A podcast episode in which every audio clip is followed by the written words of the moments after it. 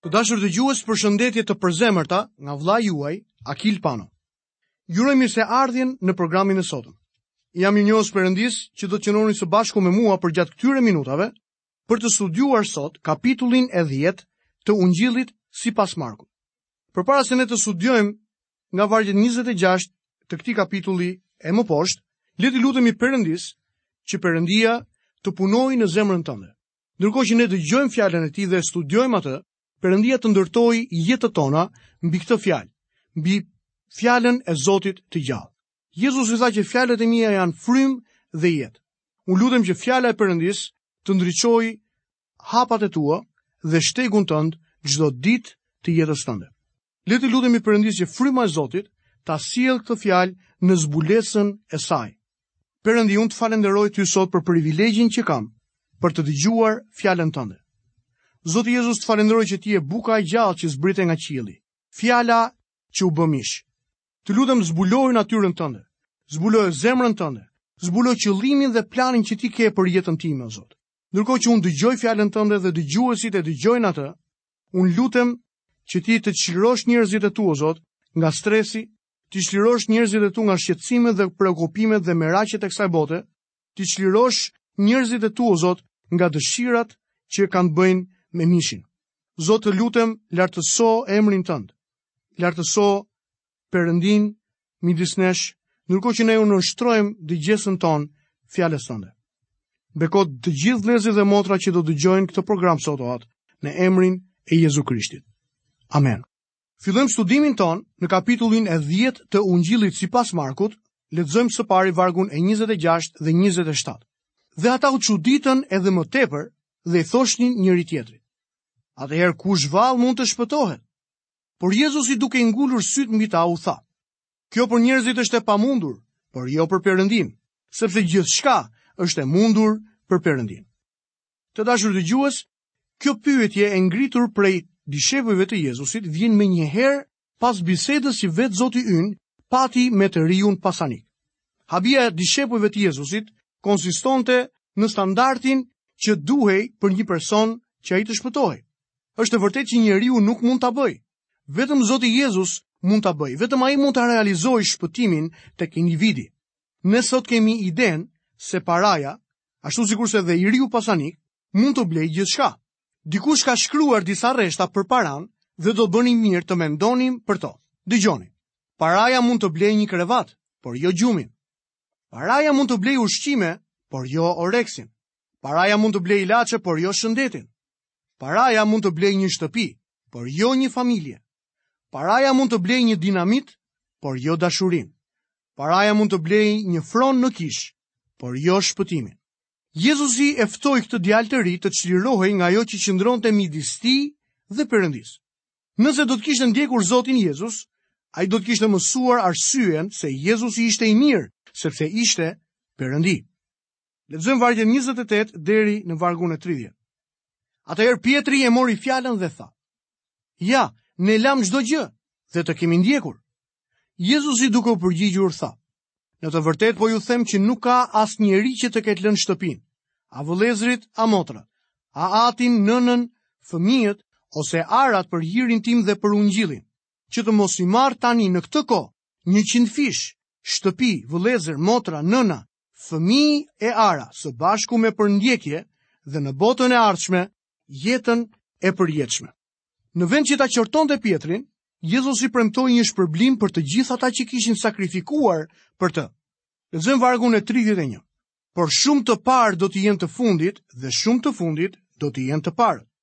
Ky është një princip që duhet të funksionojë me shpërndarjen e shpërblimeve. Lexojmë vargjet 32 deri 34. Ata ishin në udhëtim për t'u ngjitur në Jeruzalem dhe Jezusi i paraprinte. Dhe ata ishin të tronditur dhe e ndiqnin me ndrojtje.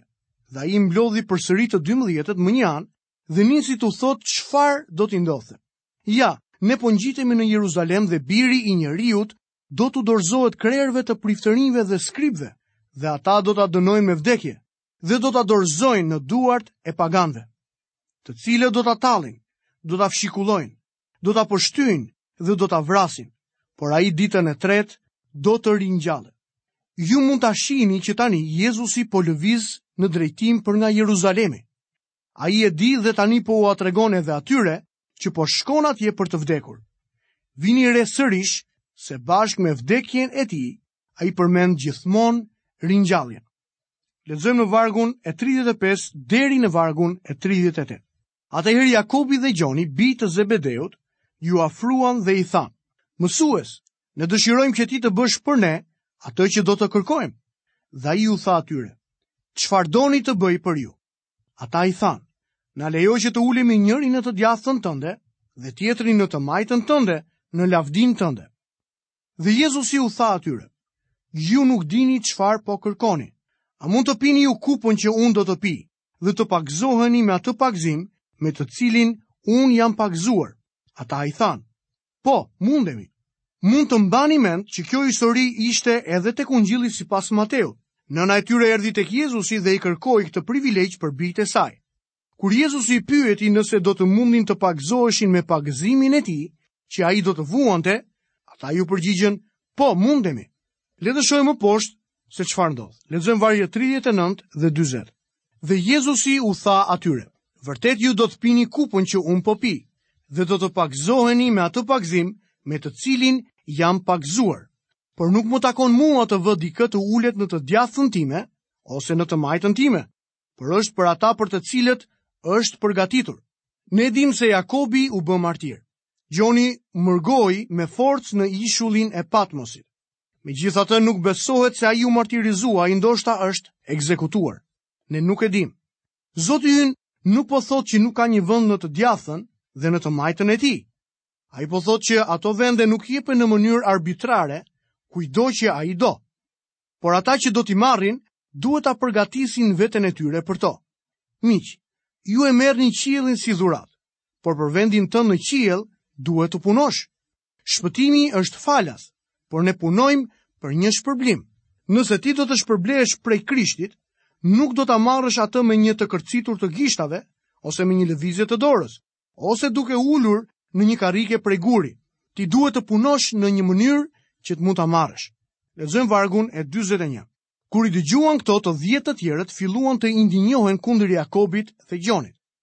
Ata ishin të irrituar sepse donin vendet më të mira. Zoti donte t'u mësonte atyre një princip tjetër. Metoda që kjo botë përdor nuk është metoda dhe mënyra e Perëndisë. Lexojmë vargun 42 deri në vargun e 44. Por Jezusi i thirri pranë vetes dhe tha, ju e dini që ata që konsiderohen sundues të kombeve, i sundojnë ato, dhe të mëdhenjtë e tyre ushtrojnë mbi to pushtetin e tyre. Por kjo s'duhet të ndodhë midis jush. Madje, ai nga ju që do të dojë të bëhet i madh, do të jetë shërbëtori juaj. dhe kushdo nga ju që do të dojë të jetë i pari, do të jetë skllavi i të gjithëve. Metoda e Zotit është të marrë të përulur dhe t'i bëjë të vegjël, duke shërbyer. Pastaj t'i vendosë si udhëheqës. Drejtuesi duhet të jetë shërbëtori i të gjithëve. Pastaj ai deklaron çelësin për këtë ungjill. Lexojmë vargun e 45. Sepse edhe biri i njeriut nuk erdhi që t'i shërbejnë, por për të shërbyer dhe për të dhënë jetën e tij si çmim për shpengimin e shumë vetave. Kjo ngjarje shfaqet tek Mateu dhe përsëri tek Ungjilli i Lukës. Ka njerëz që e mohojnë vërtetësinë e shkrimit, sepse ata nuk mund të pajtohen me ngjarjet në këtë ungjill.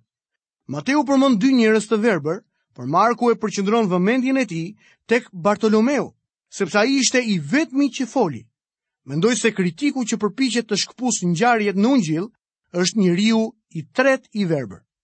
Lexojmë në kapitullin e 10 të Markut, vargjet 46 deri 52. Kështu arritën në Jeriko. Kur ai po dilte nga Jeriko me dishepujt e tij dhe me një turmë të madhe, Biri i Timoteut, Bartimeu i verbër, ishte ulur gjatë rrugës dhe lypte. Kur dëgjoi se ai po kalonte ishte Jezus Nazaretas, filloi të bërtasë dhe të thotë: Jezus, biri i Davidit, ki mëshirë për mua.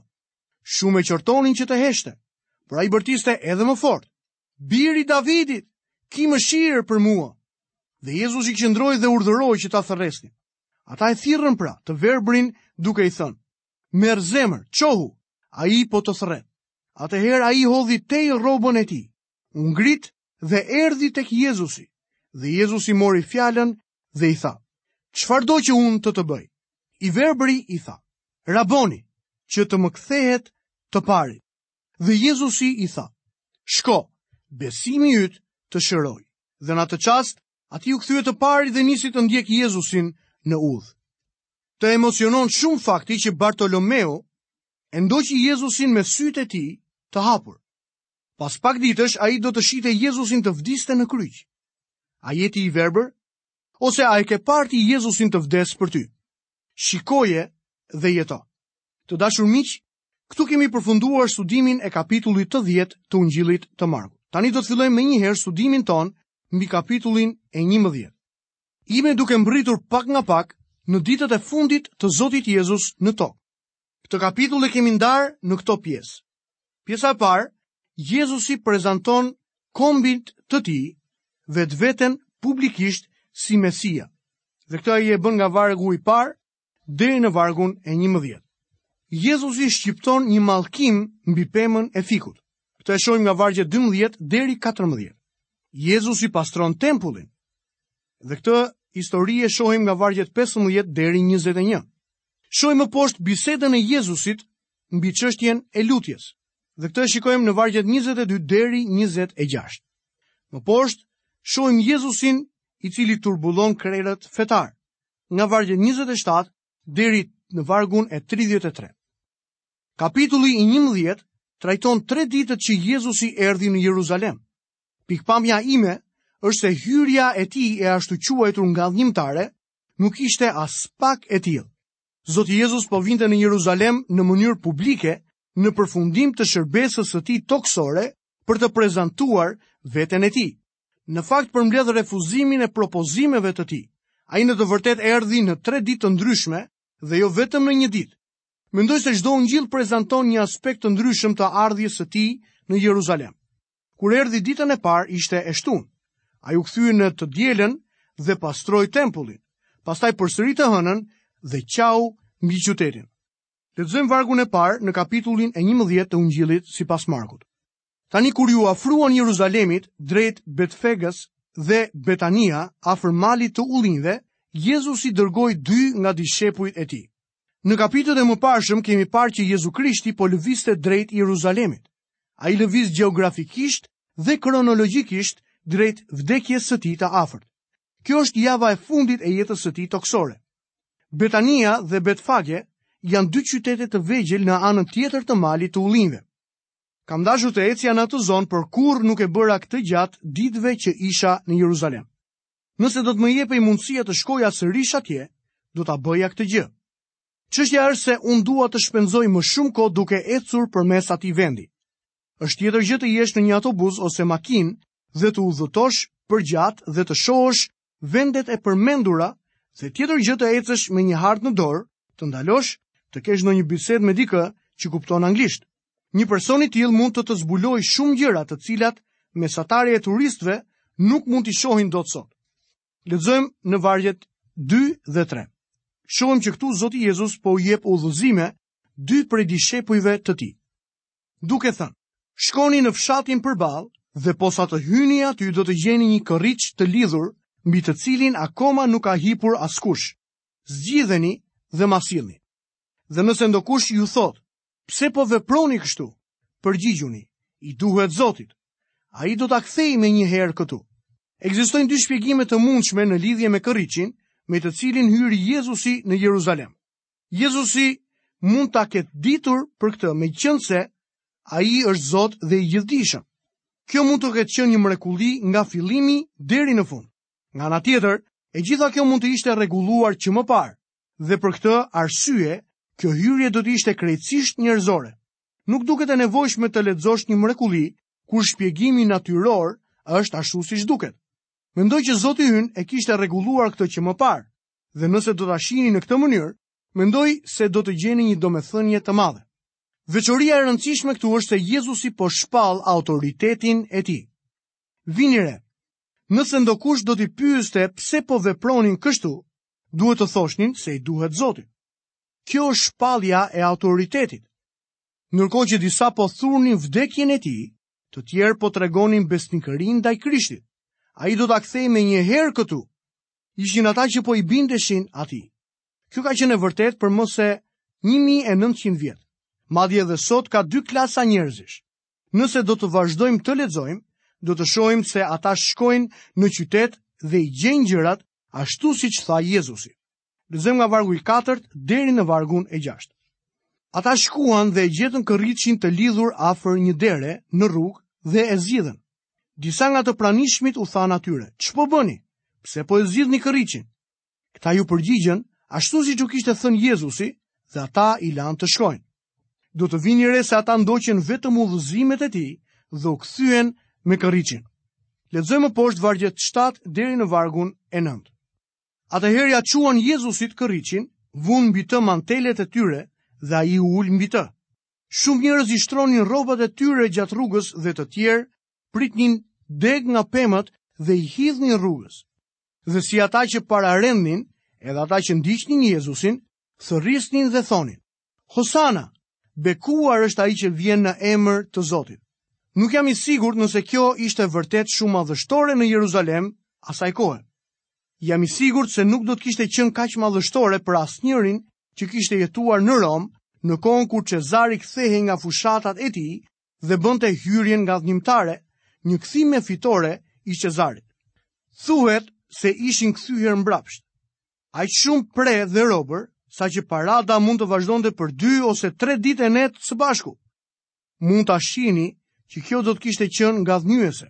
Këtu ishin disa galileas fshatarë, por fakti më i rëndësishëm është se Zoti Jezus po ofronte veten e tij publikisht. Lexojmë vargun e 11. Kështu hyri Jezusi në Jeruzalem dhe në tempull, dhe mbasi shikoi mirë çdo gjë, duke qenë se ishte vonë, doli bashkë me të 12-tët në drejtim të Betanias. Këtu gjejmë dy fakte të rëndësishme për t'u vënë re. Me sa duket ishte dita e sabatit dhe këmbyesit e parave dhe qetë nuk ishin aty. Në këtë ditë të parë, ai erdhi si prift. Ai ishte sakrifica. Ai erdhi si kryeprifti i lartë për të ofruar sakrificën për mëkatin tim dhe tëndin, që ishte e pranueshme për Perëndinë. Vini re se Krishti nuk e kaloi natën në Jeruzalem, por u kthye në Betani në mbrëmje.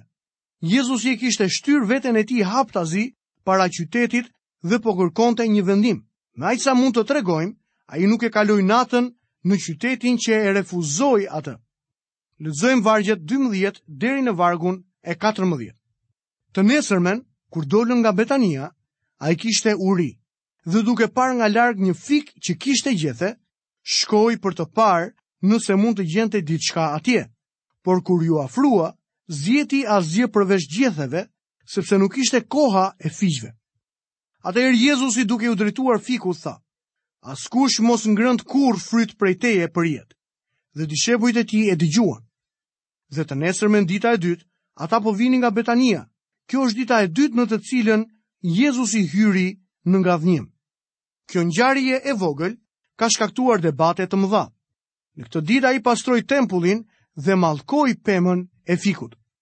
Mendoj se kombi i Izraelit përfaqësohet këtu nga pema e fikut. Më duhet të pranoj që ka të tjerë që do të më kundërshtonin për këtë çështje dhe nuk do të doja të isha kundërshtues. Ajo që më intereson më shumë është se këtu na jepet një mësim i mirë shpirtëror. Ata kishin gjethet e dukshme të një feje të dhënë nga Zoti, por nuk kishte fryte shpirtërore. Do të habitesha nëse do të thoshnim këtë gjë për kishën sot. Ky ishte mesazhi i Krishtit për kishën në Laodice. Ata nuk kishin asgjë. Ata ishin të varfër dhe të verbër. Kishin nevojë për një pomadë që të mund t'u hapeshin sytë. Kjo do të thotë që fryma e shenjtë nuk ishte atje. Besoj se është e njëjta gjë për të cilën foli edhe profeti Isaia tek libri i tij në kapitullin e 29 dhe vargu i 13. Prandaj Zoti thotë, meqenëse ky popull më afrohet mua vetëm me gojën dhe më nderon me buzët e tij, ndërsa zemra e tij më rri larg dhe frika e tij ndaj meje është vetëm një urdhërim i mësuar nga njerëzit, do ta quaja këtë si gjendja në të cilën kisha është sot. Zoti Jezus mallkoi pemën e fikut dhe ajo u tha. Të dashur miq, Vëllezër, këtu kemi mbërritur në fundin e programit të sotëm. Jam mirënjohës Perëndisë që keni qëndruar së bashku me mua përgjatë minutave të këtij programi. Lutem që fjala e gjallë e Perëndisë t'ju flasë dhe t'ju ndriçojë hapat e juaja në ecurinë tuaj në baza të përditshme.